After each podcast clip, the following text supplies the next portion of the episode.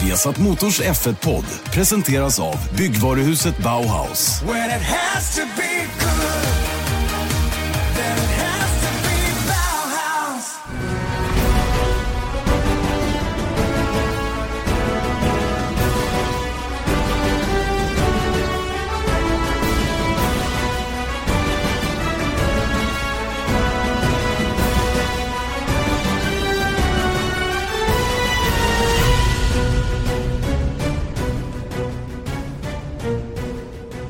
Ja, då var det dags för en ny Formel 1-podd ifrån Viasat Motor. Viasat Motors Formel 1-podd med Janne Blomqvist, Erik Stenborg. Erik ehm, eh, laddad och eh, mitt inne i det här, den här triple-headen såklart. Eh, vi, vi ska strax till det andra racet.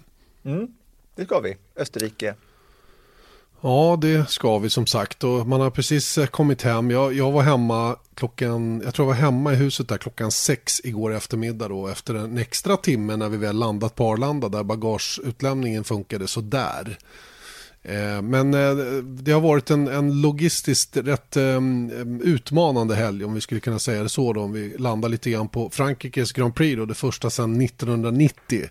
Eh, jag har ingen aning om hur det var 1990 men eh, jag inser ju att eh, det var något så himla mycket bättre den gången rent logistikmässigt och hur trafikflöden och sånt ser ut. Men jag vet inte, det, det, de, de togs på sängen på något sätt känns det som. Mm. Och då, vi pratade såklart om att det var enorma trafikproblem under hela helgen, till och med på torsdagen när ni skulle dit första eh, gången och, och man hörde liksom berättelser om att eh, någon hade suttit i, suttit i bilkö i åtta timmar på lördagen liksom. och mm. sen så bara lagt ner och då, där var folk som besökte racet som åskådare och hade flugit dit från Sydafrika och eh, valde att ja, men vi skiter i kvalet, vi, vi eh, satsar på racet istället och då har man åkt till Frankrike från Sydafrika för att se ett Formel 1-lopp och då kan man ju fråga sig hur i hela friden kan en arrangör tappa bollen på sån fundament talpunkt som att få in folk till banan? Jag tror att, eh, jag tror att man eh, upplevde själva att man hade bra kontroll på situationen innan helgen startade. Eh, sen har man nu lärt sig en jäkla massa grejer under den här helgen som har gått. Eh, det går ju att titta på en karta och säga att ja, men om vi leder in bilarna här så kommer de att komma där och då kommer flödet se ut si och så och så sätter vi en vakt här som var tionde minut eller varannan minut släpper på flödet. Alltså, det, det, är klart att det går att räkna på alla de här bitarna va? men i verkligheten så stämde ingenting av det här va överhuvudtaget och, och bara det att man hade en camping som ligger en kilometer från entrén till banan. Du kan inte ha en camping där. Och, och, det gjorde ju att eh, alla som kom på torsdagen, de, de, med sina husbilar, de blockade ju all annan trafik. Och det finns ju inga andra infarter in till banan.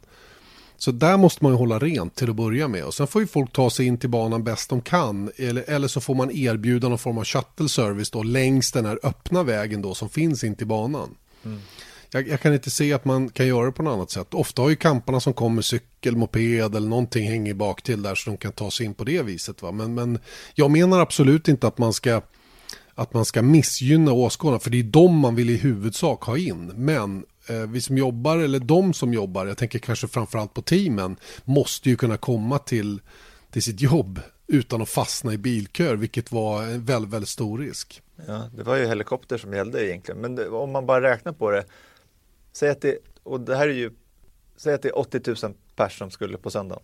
Ja, något sånt. Jag tror det var 65 som var max, va? Men, men eh, strunt samma. Ja, men vi, vi tar 80 000 bara för räkneexemplets skull. Och så har vi fyra personer i varje bil. Kanske. Ja, det blir, ja, och det är ju högt räknat antagligen. Ja, det är 20 000 mm. bilar som ska in på två vägar. Mm. Och egentligen som jag, som jag förstod det då så var det eh, en infart till den stora parkeringen och då hade någon räknat ut då, någon, någon, som ett lustigt exempel, någon journalist som hade sagt att här, om alla kommer där och det går i 5 km i timmen, då kommer det ta 20 timmar för att få in alla mm. på den parkeringen. Så att jag menar, jag vet inte hur de har räknat, men de har ju räknat fel. Men, verkligen, ingen tvekan om den saken. Va? Och det, det, var så tydligt hela tiden att de hade, ingen, de hade ingen aning om hur de skulle lösa problemen heller. Va? Sen, sen ska jag i ärlighetens namn säga att vi, våran bil som, som jag, Mange och Björn åkte i, vi löste våra problem. genom att vara väldigt tidigt ute. Vi hade tur eh, att allting var senare lagt så att det fanns den bufferten så att säga utan att behöva gå upp mitt i natten. Men det var ju som någon journalist beskrev det, han, han hade lämnat banan 22.30 eh, åkte från sitt, sitt hus eller hotell 06.30 morgonen efter för att åka då till en, till en träning då, eh, som började klockan eh, ett tror jag på dagen. Det skulle ju då i motsvarande tidsspann för Silverstone betyda att han åkte hemifrån 03.30 mm. för att komma till Free Practice 3 då klockan 10 på Silverstone. Och det, då förstår ni att det blir liksom orimligt som, som allting blir. Va? Men vi, vi klarar oss jättebra genom att åka halv åtta ungefär. Och sen så fick vi en bra rekommendation som jag inte tror alla följde faktiskt ifrån, ifrån mediasidan, nämligen att åka till en viss avfart och sen ta sig upp den, den så kallade mm. dedikerade F1, F1-filen upp då. Ja. Hur som helst, det är ganska tråkigt att prata parkeringar. Sjukt. Men det påverkade hela eventet egentligen på, på ett sätt. Sen så är det kanske inte ute i rutan, men för alla som var där så är det ändå extraordinärt att Frankrikes GP inte kunde lösa det bättre. Verkligen. Men en annan grej som det var stor oro för var bansträckningen, men racet blev riktigt okej okay, tycker jag. Ja, och det finns en avgörande faktor som jag har läst att förarna har lyft fram. Eh, pratade även med Marcus Eriksson om det. Det är nämligen motvinden på Mistralraken. Jag tror att det var motvinden på Mistralraken som gjorde den största skillnaden till att vi fick, eh, för hade det varit medvind på Mistral då hade det inte blivit några omkörningar alls in i den, eh, in i den chikanen. Så stor skillnad är det. Mm. För när du ligger i motvinden där, det är ju ett enormt luftmotstånd och så ligger du närmast bakom och så kan du dessutom öppna vingen. Du får ju en enorm fördel mot bilen framför och, och tämligen, och det var därför som DRSen blev lite för generös den här gången tycker jag. För det blev aldrig de där riktiga fighterna in i kurva 8 som jag hade hoppats på. Men, men eh, jag tror att vi ska vara tacksamma för att det var motvind då. Den hade kunnat vara lite mindre stark bara så hade det löst sig. Men vi hade ju omkörning in i kurva 11, vi hade omkörning in i kurva 5. Det, det hände grejer på hela banan tycker jag. Och det, där det inte blev några omkörningar, där var ju vår, våra experter trodde att det skulle bli mm. omkörningar in i kurva 1. Mm, det säger ju mycket. Ja, faktiskt. men vet du vad, där har du ju samma fenomen, för då har de vinden i ryggen. Mm. Så, så hade de haft motvind där, då kanske det var där alla omkörningar hade skett. Va? Så vinden spelar väldigt, väldigt stor roll när vi pratar DRS framförallt då. Mm. Men sen så var det var ju en stor debatt då under helgen och framförallt på fredagen när de hade kört på banan att de var djupt, förarna alltså, var djupt besvikna över att det fanns en chikan där på Mistralrakan. Den här jättelånga rakan som delades av i två då med den här chikanen. Men mm. frågan är, hade racet blivit bättre utan den? Ja, det, det, är ju svårt att svara på, men, men det som hade kunnat gjort, det som gör skillnad om man tar bort chikanen, det är ju att bilarna kör ju, trimmas ju ner otroligt mycket mer när det gäller downforce. Vi hörde James Allison, eh, jag vet inte om vi hörde det inslaget, men han sa det till mig i alla fall att den här banan är ganska, som den är konfigurerad just nu, ganska, eh, inte så aerokänslig. Det vill säga man behöver inte hänga på allt man har och tar man bort chikaner då kan man trimma ner ännu mer. Men det gör å andra sidan att kurva 10 och kurva 11 som man kommer till direkt efter Mistral blir ju något helt annat än som det är nu. När det är liksom bara plattan i mattan och det är bara att styra in, det hänger kvar. I alla fall genom tian. Eh, så, så det är väl det som kanske hade gjort saker och ting lite annorlunda. Det hade gjort att det blivit väldigt mycket mer svårkört i det tekniska partiet i slutet på varvet utan chikanen. Men sen om det hade gett ett bättre race eller inte, det, det är jättesvårt att svara på. Mm. Men nu när vi pratar om DRS också, så då måste jag säga att jag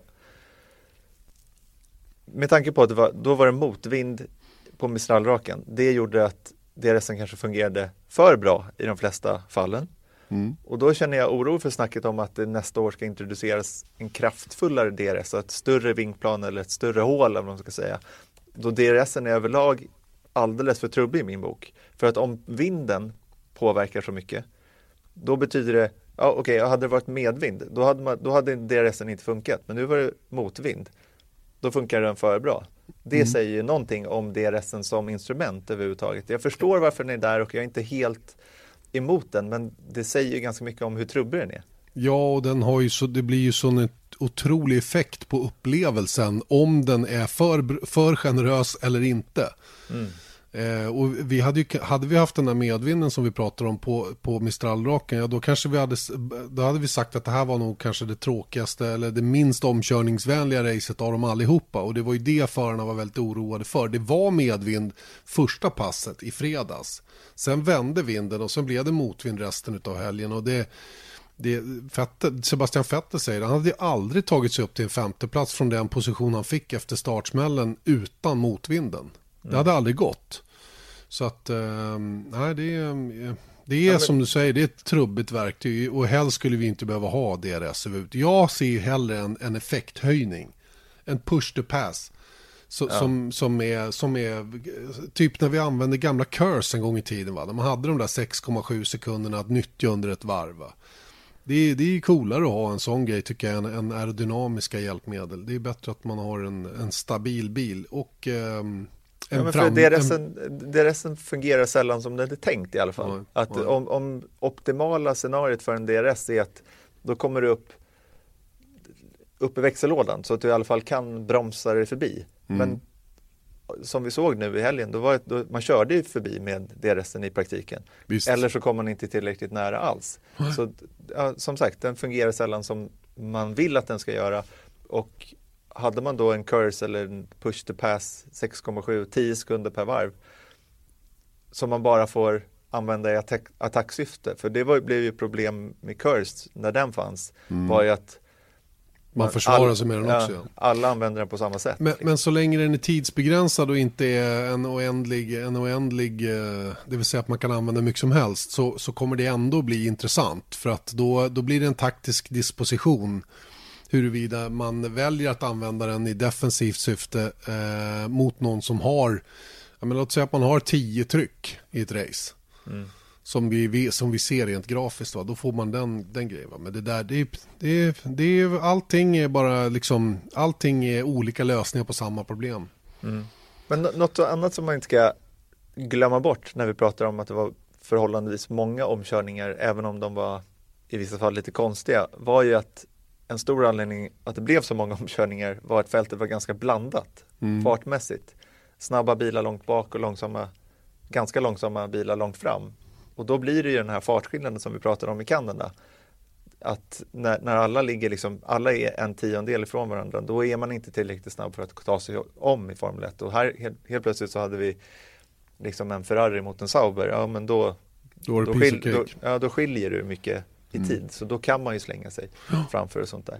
Plus att det var lite olika strategier tack vare Safety Car på första varvet och sånt där. Sånt som inte gick vägen i Kanada för då bara låg folk och nötte istället. Just det. Ehm, så att det kanske är där nyckeln ligger så att säga. Istället för att hålla på med de här grejerna, att se till på något Om. sätt att fältet är mer blandat i start. Ja, ja eller någonting. Ja. Mm. Nej, vad, vad, vad, skulle man kunna göra med kvalet för att skapa Nej. det så att säga?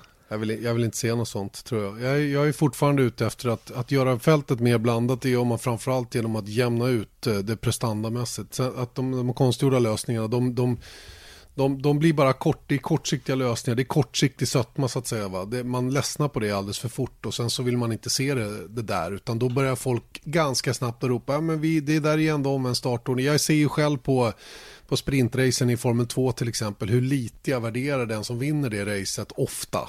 Mm. För att det är någon som har blivit åtta, kanske med lite tur. Eh, och inte varit speciellt snabb i feature-racet och sen så får han ligga i spets i, i andra racet och så vinner han tämligen enkelt. Va? Nu var det ju ett tag sedan det var så i och för sig för att bilarna fungerar så dåligt där. Men, men eh, det, jag vet inte.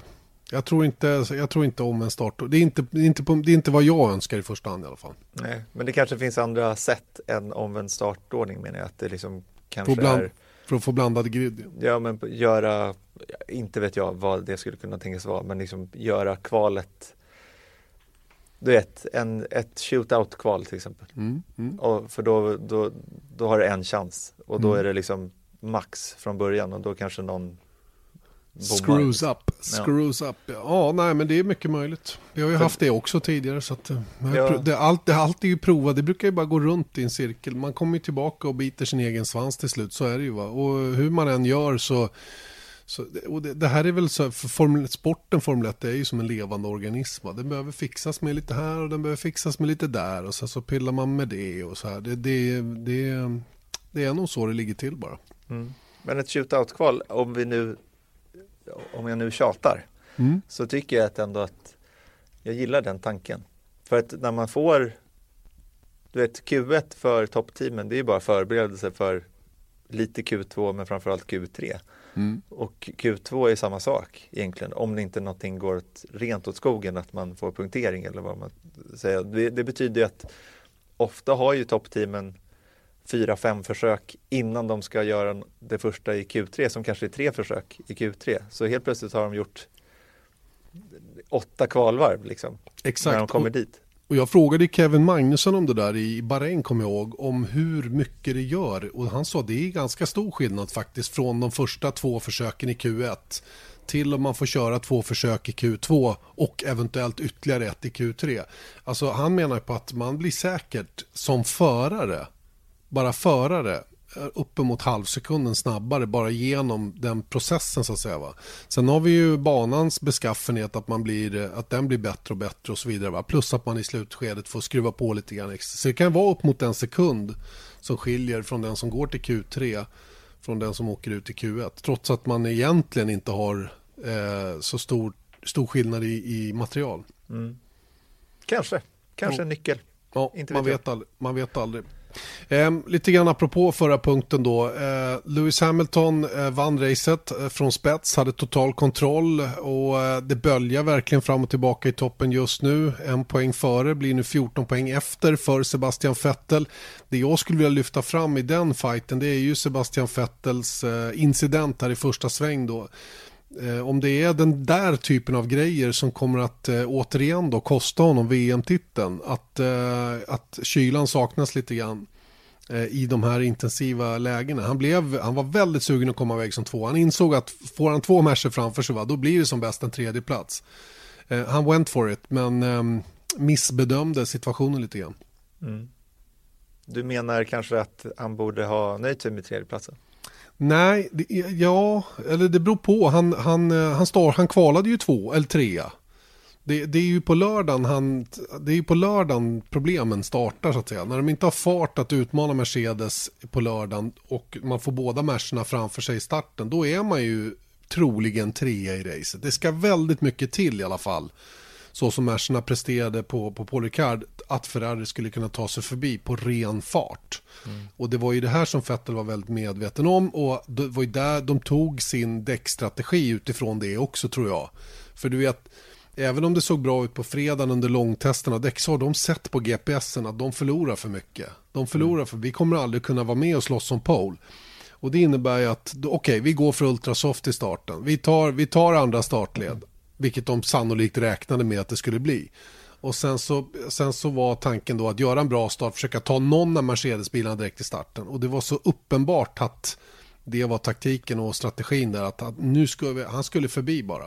Men, men när du, han gör ju nästan för bra start, för han får ju lyfta Det sa av. han själv faktiskt. Ja, han får ju lyfta av bakom Lewis Hamilton. Eh, och det är ju då problemen startar, för när han slutar att gasa, då reagerar ju bilen på ett vis. Han är dessutom alldeles för nära bilen framför. Vingarna får inte rätt luft och så ska han helt plötsligt börja bromsa då. Och Det är så att han är liksom inboxad mellan, Ex- han har Hamilton framför sig och eh, liksom snett framför sig så har han Bottas. Så att han har ju liksom egentligen ingenstans. Nej, nej. Så att det där, det där, ja visst det är Fettels fel och det säger han själv också. Men det är inte något så, det är inte så där, det är inte något jättegrovt misstag. Eh, och inte vet jag, det, det, är ju, eh, det är ju tråkigt för Valtteri Bottas framför allt. Fettel får ju skylla sig själv att det blev som det blev. Det var ju hans bedömning av situationen och det, det fick han betala priset för. Den som jag tycker mest synd om det är ju Valtteri Bottas som, som, är, som eh, som gör ett okej jobb där och ligger på utsidan och, och ska ju kunna ta första sväng där utan att bli påkörd. Mm. Ja, men det är det är många sådana incidenter som stackars Bottas har råkat ut för. Jag tänker inte minst på Baku där när han skulle bara vinna och fick punka. Men återigen, vad gäller Fettel så tycker jag att jag tycker det är kul att han var aggressiv där.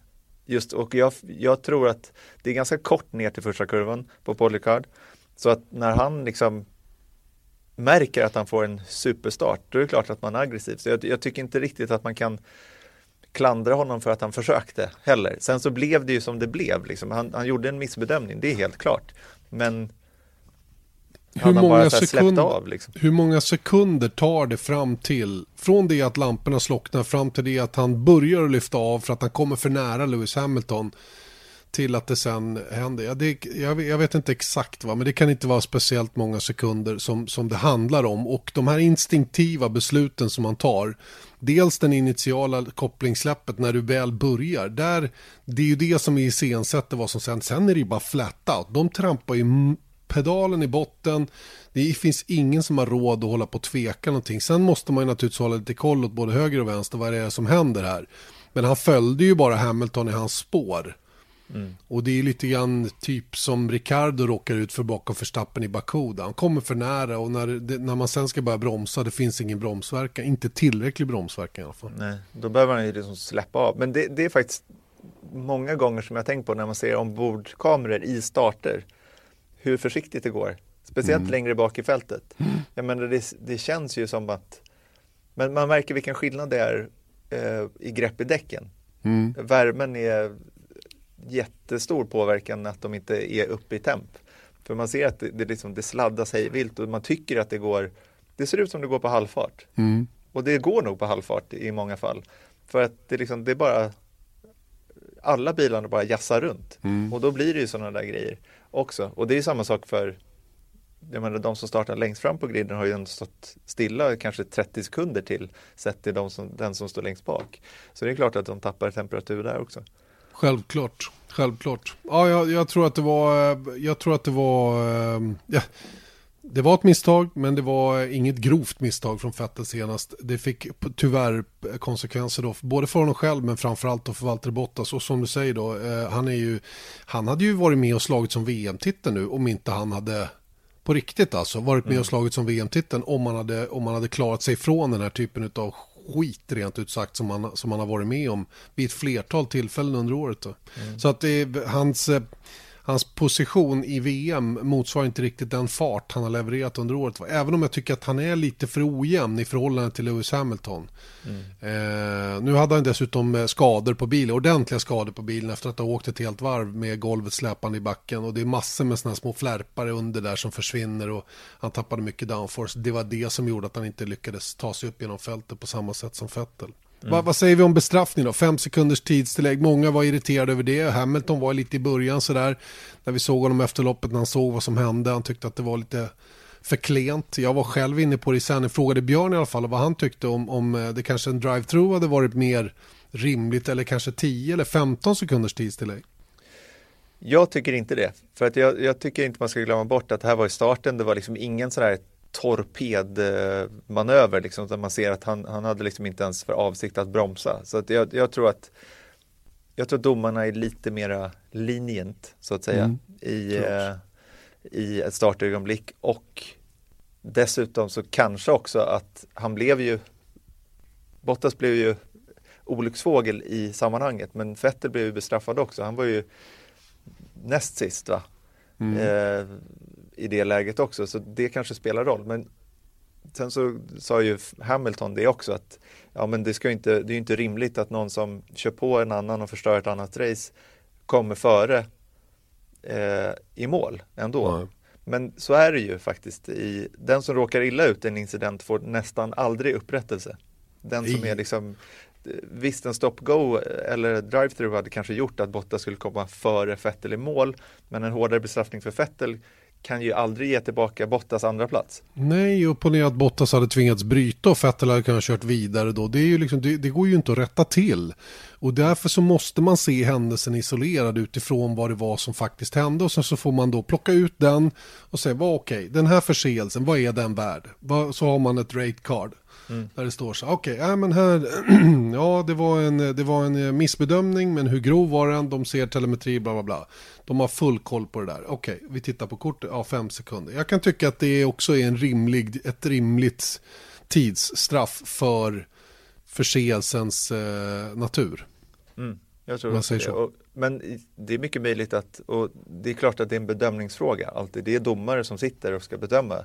Hade eh, Fettel petat av Bottas som han gjorde men bara fått en, litet, eh, en liten flärp på hans framvinge hade gått så att han kunde fortsätta. Då kanske det hade bestraffningen kunnat se annorlunda ut. Det är mycket, mycket möjligt att de hade sett på det på ett annat sätt. Det var för övrigt fransmannen Yannick Dalmas som var domar, eh, representant, eller före representant hos domarna den här helgen. Första gången. Vet du att jag har en bild på mig själv framför Yannick Dalmas Opel ITC-bil. Jaha, där ser när, man. När han körde, eh, ja det var ju DTM då, men då körde de i, i Finland och då var min pappa där och körde Porsche Cup. Och då eh, kom jag ihåg att jag hade ett sånt där depåpass och då har jag en, eh, en bild när jag står i randiga shorts och en Porsche-tröja framför Jannik Dalmas coola bil. Det var fränt. Mm. Jag har starka minnen därifrån alltså. Första gången jag såg en Formel 1-bil också. Just det, mycket kul. Mm. Ja, vad roligt för dig eh, att få träffa Jannik Dalmas. ja. det var stort då. Du, han stod utanför, eh, utanför där jag satt också, så eh, jag har också träffat honom. Mm. Nåja, vi ska inte skoja till om det. Eh, han jobbade i alla fall under helgen och jag tycker nog att de gjorde ett helt okej okay jobb. Ehm, innan vi släpper själva racet så tycker jag att det är några grejer som är Eh, eller en ytterligare som jag tycker är lite extraordinär. Eh, I vårt Formel 1-magasin så sprang vi på Gene Haas efter loppet. Eh, så, och, så, och så påpekade jag då att det återigen är Kevin Magnusson som tar poängen här. Och Kevin eh, hade en bra helg. Framförallt var ju Haas tillbaka i gammal god form. Eh, vilket eh, Grosjean visade då genom att vara sexa både i FP1 och FP2 och eh, lätt vidare till Q3. Lätt. Hade ganska lätt också varit med och slagit som sjundeplatsen då med Kevin Magnussen om man inte hade gjort ett misstag då och brakat av. Eh, och så Grosjean är eh, egentligen tillbaka i gammal god form också? Ja, det kan, man, det kan man ju säga. Men det intressanta här är ju att nu hade de ju faktiskt lika bra förutsättningar. De startar 9-10, eh, Magnusson och Grosjean. Grosjean stökar till i första sväng, får ett, tidsstraff för eh, att orsaka en kollision. Jag tror att han är ihop med Ocon. Jag är lite osäker på vem man var ihop med där. Det var faktiskt ingenting jag riktigt såg i sändningen. Men helt klart var att alla tre fransmännen mm. var inblandade i lite olika grejer där som inte var så roliga för dem på hemmaplan just då. Medan Kevin då eh, undviker karambolaget och eh, får en hyfsat bra position. Sen tyckte jag han hade en liten, liten, liten svacka en stund i racet va. Men i övrigt så var det spot on, rakt igenom, blir sexa, tar nya VM-poäng. Grosjean hamnar utanför poängen. Det är någonting som, det, båda är snabba de här gubbarna och, och Grosjean kanske är den snabbaste av dem eh, på, vid rätt dag så att säga. Va? Men han tar inga poäng. Och jag vet inte hur han ska lösa det där. Det är, det är, nu, är det, nu är det åtta race i rad som han inte har tagit några poäng. Trots att han har en helt klart väldigt god chans till det varje helg med tanke på materialet han kör. Mm. Så lyfter fram Kevin till, eh, till någonting. Jag tycker han gjorde ett sjukt bra jobb i söndags. Ja, jag skulle nästan, om, om vi hade delat ut uh, Driver of the Day poäng här så hade det väl varit han var en av dem som var kandidat, kandidat till. Mm, absolut. Menar, hur kan man bortse från Lewis Hamiltons eh, imponerande körning längst fram när det gäller en sån omröstning? Det är klart att Vettel fick den utmärkelsen för att han kör om en massa bilar men, men han gjorde ju ett misstag trots allt och det gjorde inte Lewis Hamilton. Han dominerar från start till mål. Bra gjort. Ja. Men snacka om eh, Grosjean igen då. 27-0 står det i poäng mellan mm. dem, Kevin och Grosjean. Så det, det är avgrund emellan. Det är väl lite samma sak som vi såg mellan Ricardo och eh, Verstappen. Ricardo kanske inte lika snabb som Verstappen, men Verstappen eh, har, är för ojämn helt enkelt, eller var för ojämn i alla fall. Problemet för Ricardo, är vi nu inne på silly season kanske? Ja. Inte riktigt än. Jo, det kanske vi är. Vi kan, vi, kan, vi kan smyga över i silly season. Vi har nämligen en rubrik här i vårt körschema som är silly season då. Men den ska landa lite grann på Ferrari och delvis också Ricardo. Men jag tycker det är kul att du tar upp Max Verstappen, Daniel Ricardo. För det är så tydligt att när Verstappen får ihop sina helger, vilket han har fått nu två helger i rad, då är han före. Mm. Då är han före Ricardo. Det vill säga när de har någorlunda lika förutsättningar. Nu hade Ricardo skador på framvingen i söndags, men inte hela racet. Och han var bakom i kval och han var bakom större delen av eller han var bakom hela racet också. Och kunde aldrig riktigt utmana. Va? Han hade ju kunnat hålla pallplatsen utan de där skadorna, det tror jag. Va? Men, men Verstappen är en stark och duktig förare. När han är, när han är samlad och har ordning på, på saker och ting, va? då är han väldigt, väldigt skarp. Så enkelt är det bara. Och det är ju ett litet bekymmer för Ricardo nu som sitter i sina kontraktsförhandlingar till höger och vänster. Och då kommer vi in på silly season lite mer. Dock vill jag säga då att sättet Ricardo kör har fått honom, tror jag, 26 eller 28 poäng mer än Verstappen. Så, Så det, det spelar ju roll också. Självklart någonstans. gör det det. Självklart gör det det. Och det var ju, det, jag vet inte vem jag pratade med om det, men den dagen Verstappen kan fila bort de här vassa kanterna på sitt sätt att uppföra sig. Han är lite klumpig fortfarande när han pratar utåt och så här. Och, och, och han behöver fila lite på sina kanter. Bli en, en mer polerad diamant så att säga. För, att, för då, då slår han ju vem som helst. Och får han dessutom rätt material i händerna då kommer han att bli untouchable verkligen va. Men det är fortfarande lite små grejer. Och det är ju det som sagt då som gör att han ligger efter sin teamkamrat ganska klart. Och troligen inte går ikapp i år heller. Nej, Nej men det är ju, nu har han fått upp två riktigt bra helger så att Mm. det, det kan ju fortsätta. Så att, Verkligen, eh, och verkligen. verkligen. Ricardo är inte liksom immun mot svackor heller. Så att, eh, Verkligen inte. Det är ingen före. Det är Nej. ingen före. så att man får väl se. Ja. Det är trots allt bara åtta, eller hur många race har vi kört? Åtta. Åtta. Åtta, ja. Mm. Det är ganska många kvar, 13 Det- stycken. Extremt många kvar. Mm. Men du, lite silly season då. Jag älskar Kim Räikkönen. Jag skulle nästan vilja se honom kvar i Formel 1 för all framtid. Så att säga, som karaktär sett. Ja. Men trots bra race, som förvisso var lite turligt på grund av Vettel och Bottas eh, karambolage och Ricardos framvinge. Han kom ju trea. Utan de incidenterna hade han kanske kommit sexa. Eh, jag börjar ändå känna att det, det kanske är dags nu. Pet, spetsen har liksom blivit trubbig. Det är ingen tvekan om att det är så. Och du har ju dessutom lite statistik som backar upp det här va? Mm. Senaste gången Kimi tog placeringar i en start, det var säsongen 2016. Jag har faktiskt glömt bort vilket race det var. Men det var, det, det är ju helt sjukt egentligen. Det jag vet, beroende på när det var under säsongen 2016 så är det nästan två säsonger sedan som man tog en position i starten. Och då, är det, och då är det inte för att han startar längst fram hela tiden. Nej, för han har bara en pol under den tiden också. Så att det, det, jag menar, han tappar i starten av någon anledning då. Och nu har Kimi alltså tagit 25 pallplatser utan seger. Senast så kom alltså i Australien 2013 med Lotus. Men det här har han tagit då i bilar som det faktiskt går att vinna med. Det har Vettel bevisat om inte annat. Han levererar alltså, men ändå inte. Och då är vi inne på den där udden. Han är med där uppe för att han har så bra bil och sånt. Men fan, ursäkta språket, men det är någonting där. Visst, visst är det så. Och ehm, det, här, det här har ju föranlett uh, ryktet som kom nu då i helgen att, eh, att eh, Ferrari på riktigt allvar överväger att ta, ta, stoppa in Charles Leclerc då istället för, eh, istället för Kimi Räikkönen i Ferrari från och med 2019. Eh, och ehm, ja, jag, jag kan inte se att det inte kommer att hända faktiskt. Jag, jag, jag, jag tycker det vore en frisk fläkt att se Leclerc i hans bil 2019.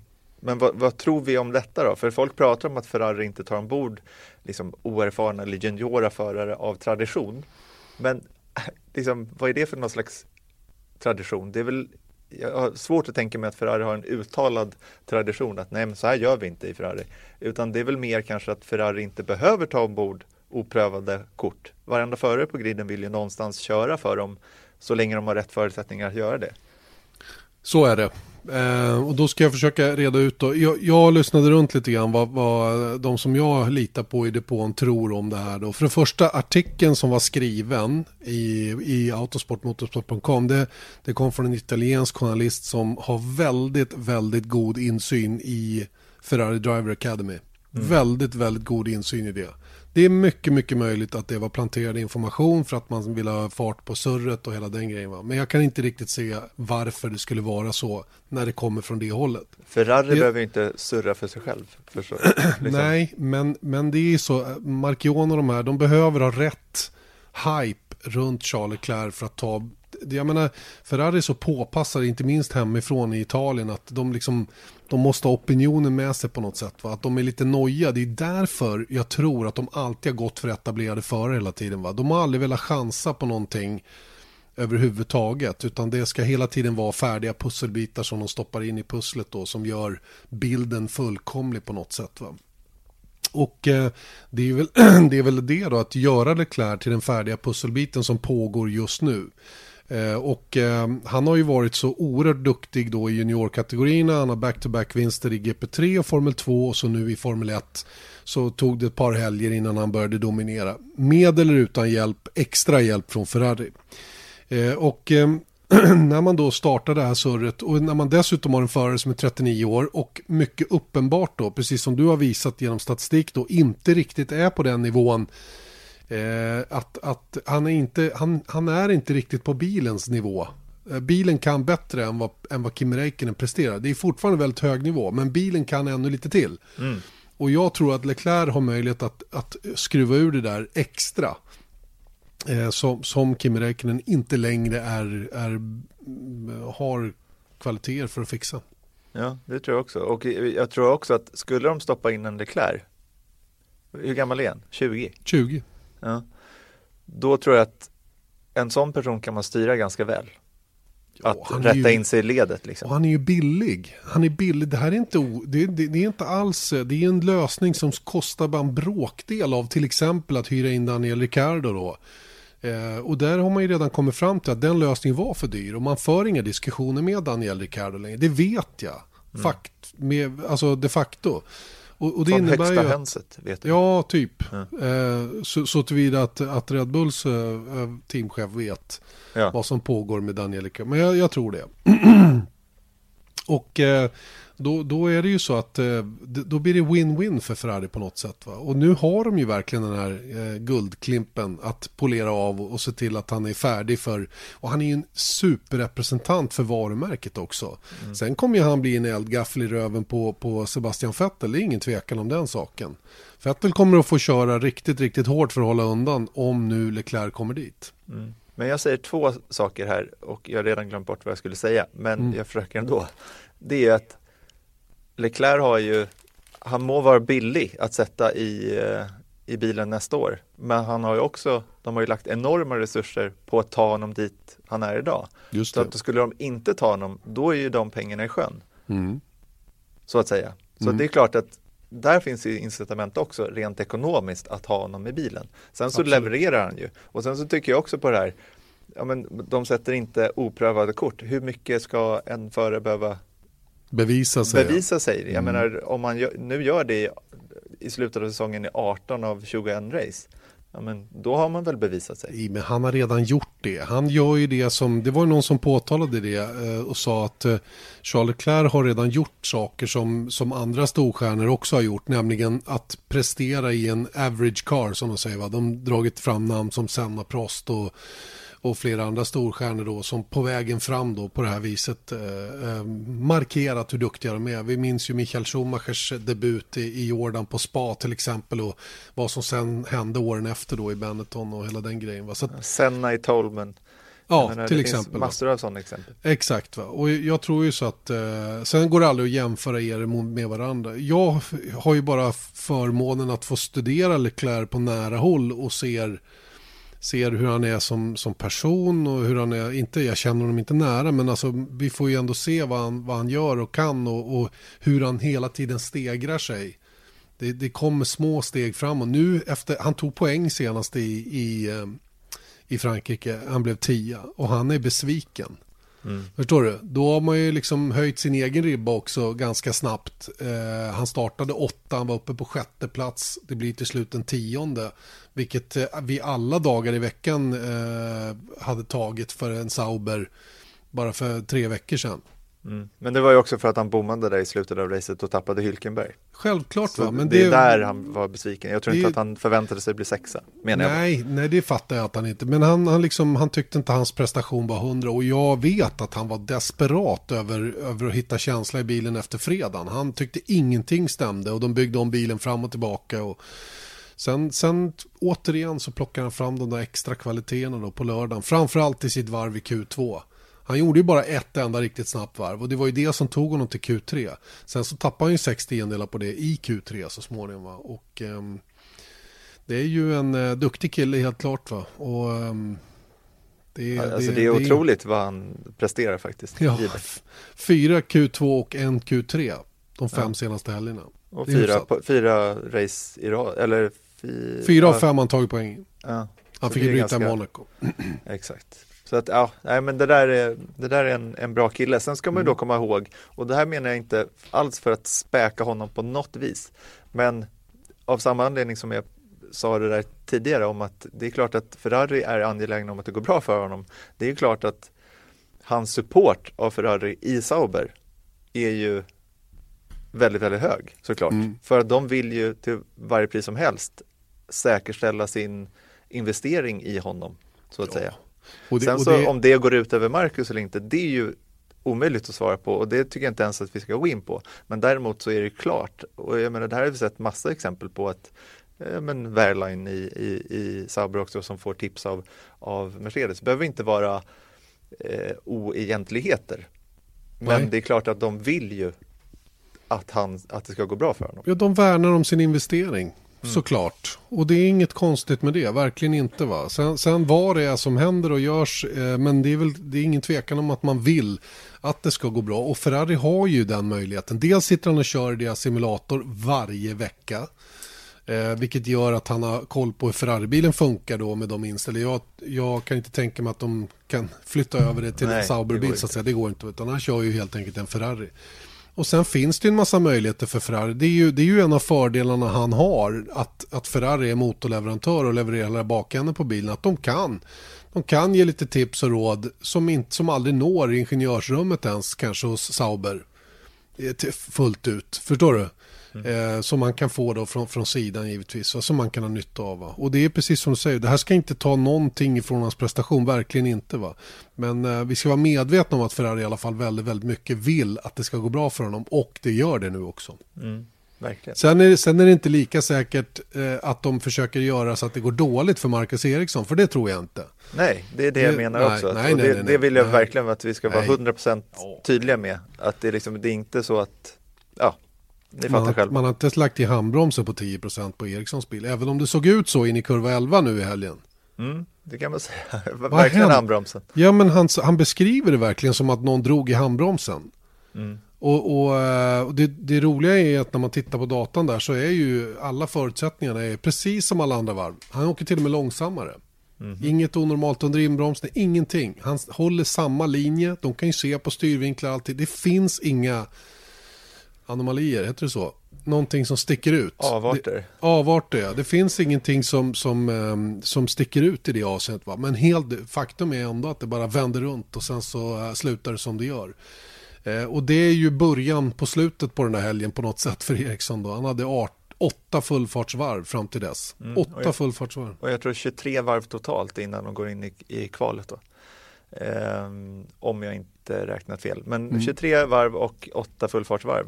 Mm. Det är inte så stora förberedelser med ett, ja han har ju inte en Ferrari simulator att köra med heller. Så nu var, han, nu var han på i en eh, F2-simulator. F2-simulator för att lära sig banan. Det är ju jättebra. Jo, Men, men ehm, inte riktigt samma sak dock. ja, just för att tredje träningen regnade bort hade han ju väldigt lite. Och det är ju, det, man kan ju, i och med att man inte vet var den här kraschen kom ifrån, så, så eh, det kanske var vinden liksom. Och Mm. visst, nu åkte han av på ett olyckligt sätt, den som gjorde det. Och det var ju otur eller, eh, eller Det- dumt liksom. Det, det är ju vad det är. ja. Men, men det kan vi väl vara klara över alla som sitter och ondgör sig över att Marcus gjorde ett misstag. Att det är, hur fasen ska du kunna ta höjd för vinden? För vinden påverkar verkligen. Och jag Ja, har ett bekräft... det. Ja, det, det vet vi ju inte heller va. Men, men om vi ponerar att det är det. Så, så, så var det ju faktiskt så att Max Verstappen hade, hade haft samma upplevelse in i samma kurva. Han låg 15 sekunder före Marcus på varvet just det här varvet. Eh, och eh, det var därför, därför pratade de om det, de två med varandra. För att han hade upplevt någonting väldigt, väldigt konstigt just in i kurva 11 då.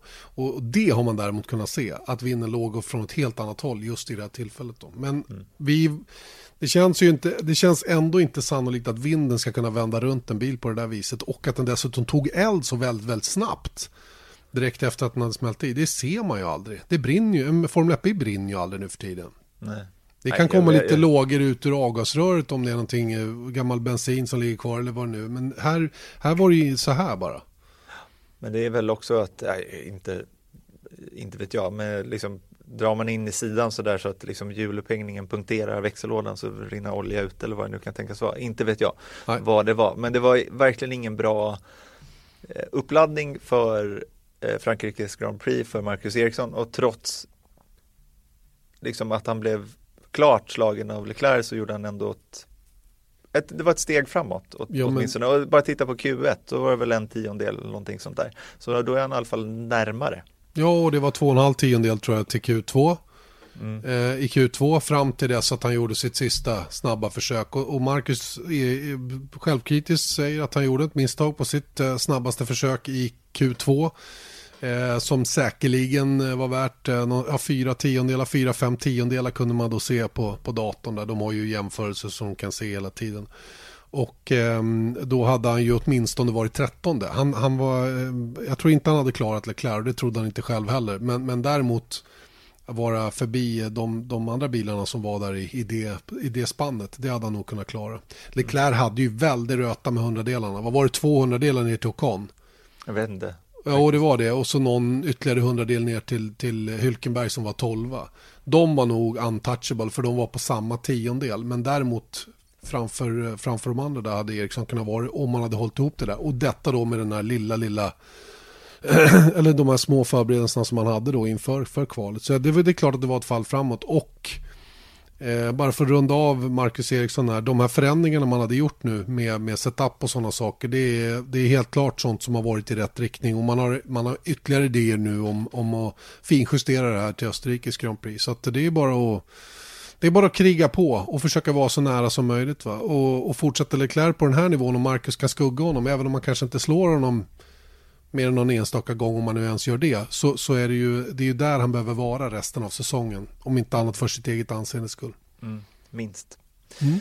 Du, nu pratar vi lite McLaren istället. De hade ja. det jobbigt där. De det har ju, det jobbigt. Ja, de har det jobbigt och eh, dessutom någonting som heter Fredogate som kom ut under helgen. Och jag tänkte faktiskt inleda den här sektionen av den här förnämliga podcasten med ett citat från Zac Brown inför deras car launch på försäsongen. Och nu kommer det. Om vi är 0,9 sekunder från Red Bull skulle det inte se bra ut. Vi vill inte gömma oss längre. Det är showtime. Det här säger då Zac Brown på försäsongen. Och sen så vidare ett från van Dorn från försäsongen. Citat. Det finns ingen anledning till att vi inte ska kunna slå Red Bull i år. Hur ser det ut? Ja. Eh, det här är ju ganska extraordinära ord om man ser tillbaka då McLarens mål den här säsongen var att slåss med Red Bull i alla fall. Och de sa själva att de hade bästa chassit i slutet av fjolårssäsongen men, men en dålig motor då. Ja, hur ser det då ut? Ja, McLaren har 40 poäng konstruktörs-VM, Red Bull Racing har 164. Slog inte Så, riktigt in de där citaten. Det säger rätt, rätt mycket om läget just nu i McLaren va? Och, eh, och jag tycker det sätter fingret på eh, hela problematiken att det är långt ifrån på motorsidan som det är bekymmer utan det är ju något fundamentalt i i, eh, i bilbygget. Va? Och vad det kommer ifrån däremot, det är ju svårare att sätta finger på om det är personrelaterat eller om det är en organisationsmiss. Eh, att deras vindtunnel nu är utdaterad och de tvingas använda Toyotas vindtunnel som kanske har tappat lite korrelering med det som händer på banan. Det är inte bara de som har problem som använder den. Vi vet att Force India som också nyttjar eh, Toyotas vindtunnel inte heller har träffat 100 rätt med sina, sina grejer i år. Va? Eh, är det något sånt som spelar in eh, som gör att man är liksom off the ball på något sätt? Va?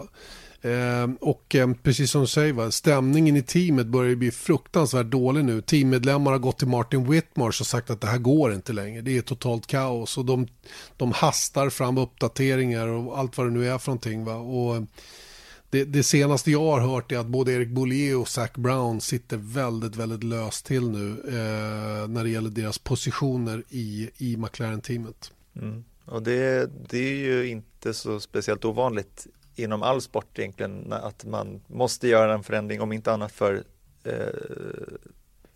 liksom syns skull. Att man måste ändra. Det är inte ofta, det är inte så ovanligt att en coach får får sparken nej, nej. från ett fotbollslag till exempel när det man, går dåligt för laget. Man sparkar alltid tränaren. Mm. Och eh, det kom ju ut då, apropå det här med Martin Whitmark, så att det här är då uppgifter som att det var någon inom teamet som har gått till Martin Whitmark, eh, Whitmarsh, alltså McLarens före detta teamchef och sagt att stämningen i teamet är toxic. giftig på svenska. Och att eh, apropå det här med uppdateringarna då att då måste personalen ta extra skift och som tack för det så får de då eh, gratis chokladkakor. Och det är därför det här namnet då Freddo-gate, för det finns en tydligen en chokladkaka i England som heter Freddo som kostar 25 pence eller någonting sånt där. Och då kom det här ut via Martin Whitmarsh och då får ju då Erik Bouillet frågor om det här på presskonferensen på fredagen och det togs inte så väl emot av Erik Bouillet utan eh, det så pass så att jag har hört då att eh, pressmänniskorna eh, under eh, alltså McLarens pressmänniskor under presskonferensen försökte stoppa liksom de här frågorna. Så. Eh, på något sätt då för att det blev jag, jag tror liksom inte att Erik Bouillet tog, tog liksom, han tog det inte med lugn så att säga. Nej, han hanterade det inte på rätt sätt. Nej.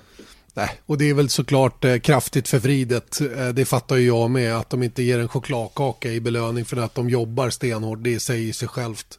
Inte ens McLaren skulle göra det. Men det som är grejen är ju att McLaren är ju ett team som har gått från att vara ett, ett välbärgat, vinstrikt eh, superteam. För det har inte suttit några skaft bakom ratten i de här bilarna någon gång egentligen. Sen det började gå ner för. Så, så, så är det ju nu med tanke på prestationen senast så är de ju riktigt i botten. Alltså. Det var ju många som påtalade för mig att se Williams och McLaren längst bak. Mm. Det är ju liksom, det är ju tragiskt och det är ju precis det det är också.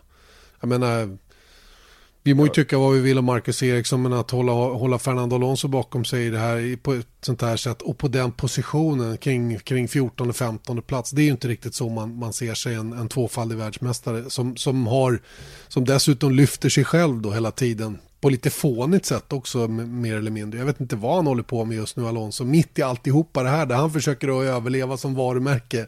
Mm. Mitt, i, mitt i kanske McLarens största eh, svacka någonsin. Ja, och jag menar, apropå det vi pratade om tidigare om personalen, att jag menar, det är ganska självklart egentligen att man tänker alltid på att så, men, hur ska de hålla Fernando Alonso glad hela tiden? Men det är klart att teamet som sådan, om de blir lovade saker, jag menar alla på något sätt vill väl vinna inom Formel 1 även om du är mekaniker eller en designer Såklart. eller vad som, Så, för det är ju deras anseende också. Inte på ett lika liksom, publikt sätt som Alonsos.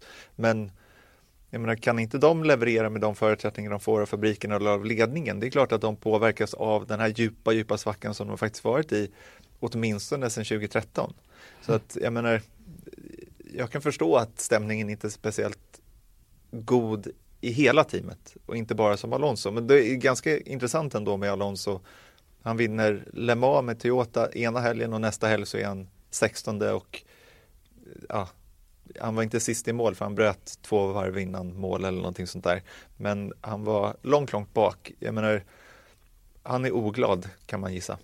Definitivt så och eh, det gör ju då att han på ett ganska bisarrt sätt försöker lyfta sina egna prestationer hela tiden. Efter kvalet så, så sa han bara att ja, jo, vi är inte bättre så bilen är inte bättre. Men jag har ju slagit de två senaste årens supertalang Stoffel ja. van Dorn.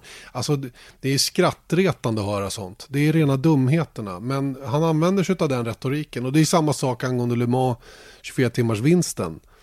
Eh, nu var det helt plötsligt den, den svåraste upplagan av Le Mans ever. För tidigare så tävlade man bara sex bilar mot varandra. Nu var de åtminstone tio i klassen. Ja, ja men vad är det? Vad tror han att vi är idioter eller? Mm. Alltså, det, man kan fortfarande säga så. Och jag förstår inte, jag, jo, jag förstår. Han, han vet ju att eh, den insatta massan, den, den ser ju igenom det här, va? men alla andra gör det inte. Va? Och då, eh, då kanske det är så att eh, det är värt att komma med de här uttalandena i alla fall. Men jag tycker det här är lite grann problemet med Alonso, för han är en jäkla skarp gubbe. Alltså, han är fantastisk att köra racerbil om man koncentrerar sig på det enbart. Va? Men han ska in och pilla i det mesta och då blir det ibland lite tokigt. Ja, och, nu... och, och eh, inget är speciellt lätt med Alonso kan man konstatera i alla fall. Och det, jag läste faktiskt en ganska kul redogörelse apropå de här ryktena om att han kanske då lämnar Formel 1 för att gå till Indycar istället och fokusera på, på det. Men eh, då läste jag en, eh, den här redogörelsen på VTF1, alltså WTF1.com. De har ganska roliga perspektiv på motorsport och eh, Formel 1 i synnerhet. Eh, och då de berätt, beskriver ungefär så här, om McLaren ska starta ett eget team i Indycar då, så verkar det som att de kommer att ha ett samarbete med Andretta Autosports eller Real Letterman Lanigan Racing för att liksom komma igång. Ja, men problemet med det då, jo, de kör ju med Honda-motorer de här två teamen i Indycar, vilket då indikerar att McLaren skulle behöva köra med Honda i Indycar också. Och enligt publikationen Racer så behöver Honda hjälpa till med finansiering för att realisera det här, alltså McLarens Indycar-team.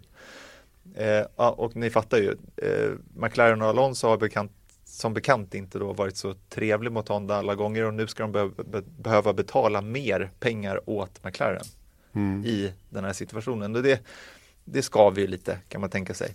Och utöver det här då så tävlar ju Alonso för Toyota i, i VEC vars supersäsong sträcker sig till Le Mans i juni nästa år. Mm.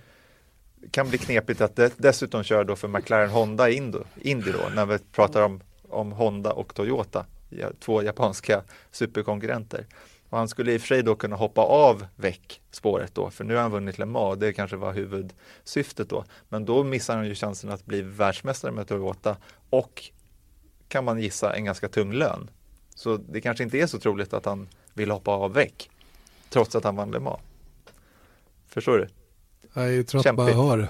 Jag är ja. trött bara jag hör alltihopa. Nej men det är ju det här som gör att han, han blir ju lite jonglör på något sätt va. Han försöker hålla tre, fyra apelsiner i luften samtidigt och jag tror att det är det här som gör att det är så viktigt för honom att hålla sitt varumärke på en hög nivå så att han kan göra de här grejerna trots att det är en massa konstiga crossovers mellan varumärken som egentligen inte är naturliga. Va? Toyota Honda är inte bästa kompisar heller. Nej. Och Honda är de ju inte definitivt inte bästa kompisar med då sen, sen sammanbrottet med, med McLarens Formel 1-stall och så nu då Honda i Indycar. Alltså det blir ju svåra, svåra potatisar att, äh, att fixa till. Mm. Ja, men man tänkte ju liksom när man började höra om Indycar, jag har inte ens tänkt på vilka motorer de på, men bara en sån grej. Men finns det bara Honda-motorer? Nej, de har Chevrolet också. Ja, kan man inte ta en sån då? Eller är de så mycket sämre? Ja, du som det, är Indycar-expert. Exakt, oj. Nej, men det som jag förstår är, är det McLarens intåg i Indycar skulle då bygga på ett samarbete då med, med United Autosports och det är ju då Zac Brown. Mm. Eller Andretti Autosports ja. och de har ju goda relationer så att jag, jag tror Vet som, som jag har fått det förklarat för mig är det inte helt enkelt då att de bara, ja men då kör vi med Cheva. I, slut, I slutändan så kommer det vara Zac Brown själv som gör det här. Kanske med sitt United Autosports tillsammans med Michael André. Jag tror inte att uh, det blir McLaren i slutändan. För får han kicken ifrån McLaren nu, vilket inte är otroligt. Och han dessutom är med i surret om att köpa upp uh, Force India tillsammans med två andra aktörer. Bland annat Michael Andretti så kanske det blir där det blir hemvisten så att säga för Zac Brown då att ett samarbete med Indycar kanske sker den vägen över istället då. Att han upplever ändå att, att Alonso och Zac Brown ändå har sina påsar ihop va? de är rätt så bra kompisar och det alltså det ges och tas lite grann just där då. Men det är ju inte han det är ju inte Zac Brown som äger McLaren. Det är ju faktiskt det, eh, den bahrainske kronprinsen och Mansour i huvudsak. Mm. och det är ju de som i slutändan bestämmer vad som händer. Och jag menar Först och främst vill de nog att deras Formel 1-stall ska bli konkurrenskraftigt igen. Det skulle jag gissa. Ska vi ska släppa vi... Frankrike? Ja, nu släpper vi Frankrike. Nu ska vi åka och joddla lite så det blir toppen bra. Som Mange hade sagt. Fotomange. Vi ska nämligen till Österrike och eh, köra Österrikes Grand Prix på Red Bull Ring. Och eh, en helt annan bana den i Frankrike för övrigt. Den är eh, åtta kurvor lång. Eh, och eh, vi ska prata mer om Österrikes Grand Prix alldeles strax. Först tycker jag vi tar och lyssnar till Pirelli och vad de har att säga om eh, det här kommande racet. Pirelli Race Preview. Pirelli. Power is nothing without control. Yeah, we, we use soft super and ultra. Uh, Austria is uh, is very smooth. We we saw from it was resurfaced last year. Uh, so we know the tarmac that is there. It's not a high severity circuit.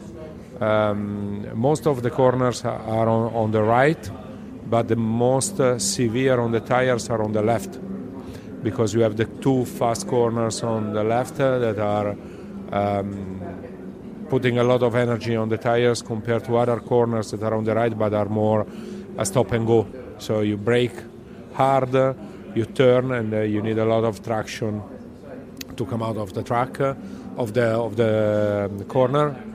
Um, that's why in the past uh, we saw some uh, wear or graining on the front right instead of the front left that is uh, is, is running the majority of the corners. Uh, yeah, a lot of laps. Uh, as you said, a short track with uh, uh, elevation changes.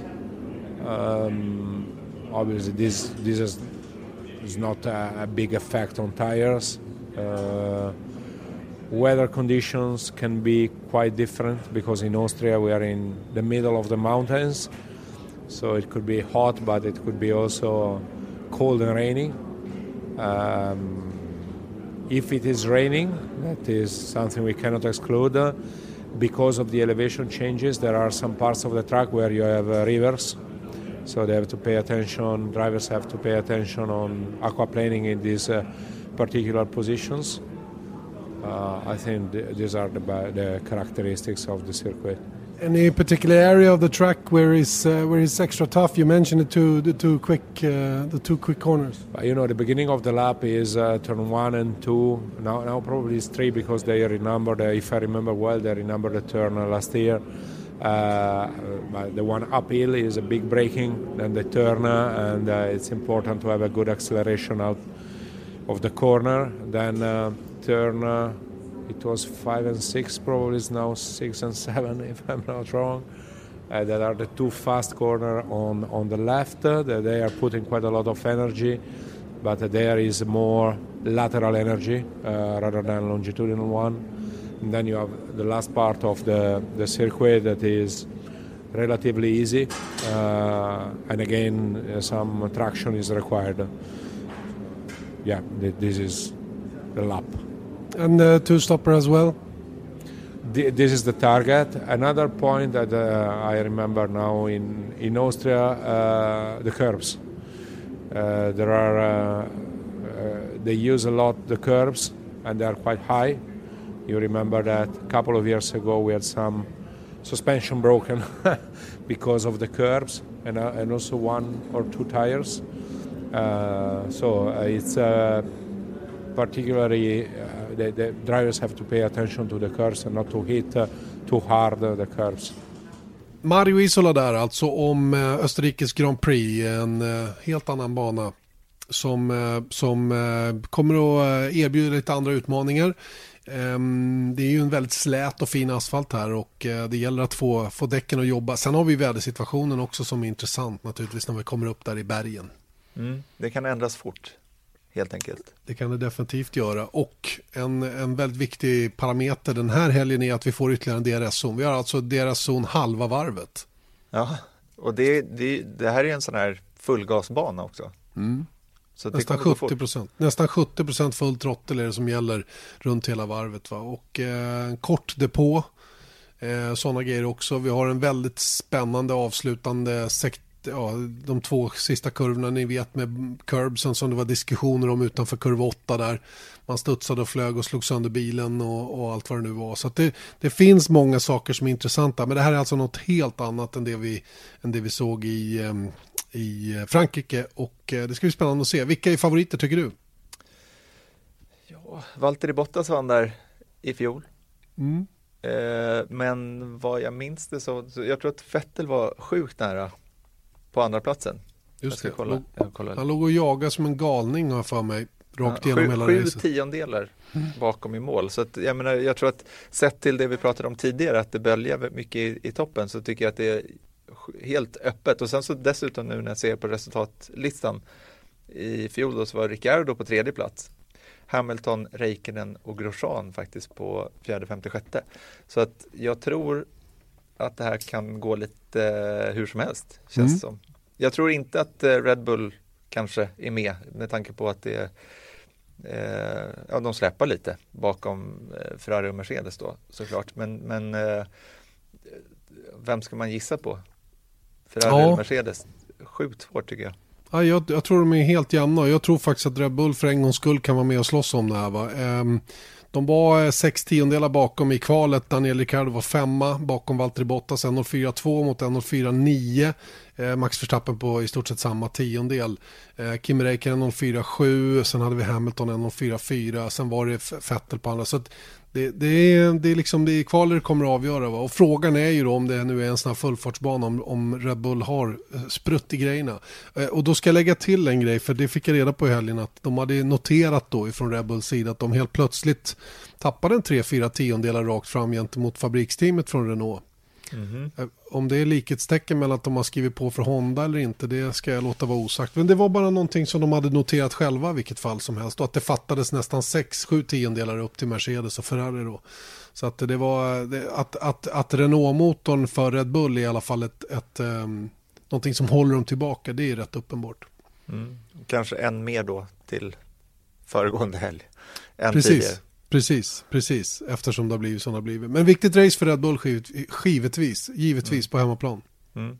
Absolut, men jag hoppas nog för, för VMs skull om Hamilton vinner och Bottas kommer tvåa och eh, Vettel som bäst trea då, då, då, tappar han ju 10 poäng till och då är det plötsligt 24 poäng och det, då börjar det bli lite så här jobbigt även om jag tror att det finns ingen som är skrivet sten trots det då men, men eh, en Vettel-seger med Bottas på andra plats skulle jag inte säga nej till. Nej, och Ricardo på tredje. Ja, så, det vi, så, vi, så vi byter bara på, på ettan och, och tvåan. Ja. Mycket bra, mycket bra. Ja, men där har ni det. Då kör mm. vi på det. Kort och gott. Eh, jag måste packa och tvätta kläder. Jag gör det. Så att jag drar nu. Mm. Vi hörs om en vecka och vi hörs framförallt i helgen. Håll koll på våra tider. Vi har satt Motors Insta-konto. Där ligger alla sändningstider och allting. Ja, och även omslagsbild på våran Facebook och Viasat Motors Facebook. Så där, mm. där, där har ni allt ni behöver eh, hålla koll på, men det viktigaste är att ni har lyssnat på den här podden. Just det, tack för det. Vi hörs om en uke. Hej hej! Hej hej! Vesat Motors F1-podd presenterades av byggvaruhuset Bauhaus.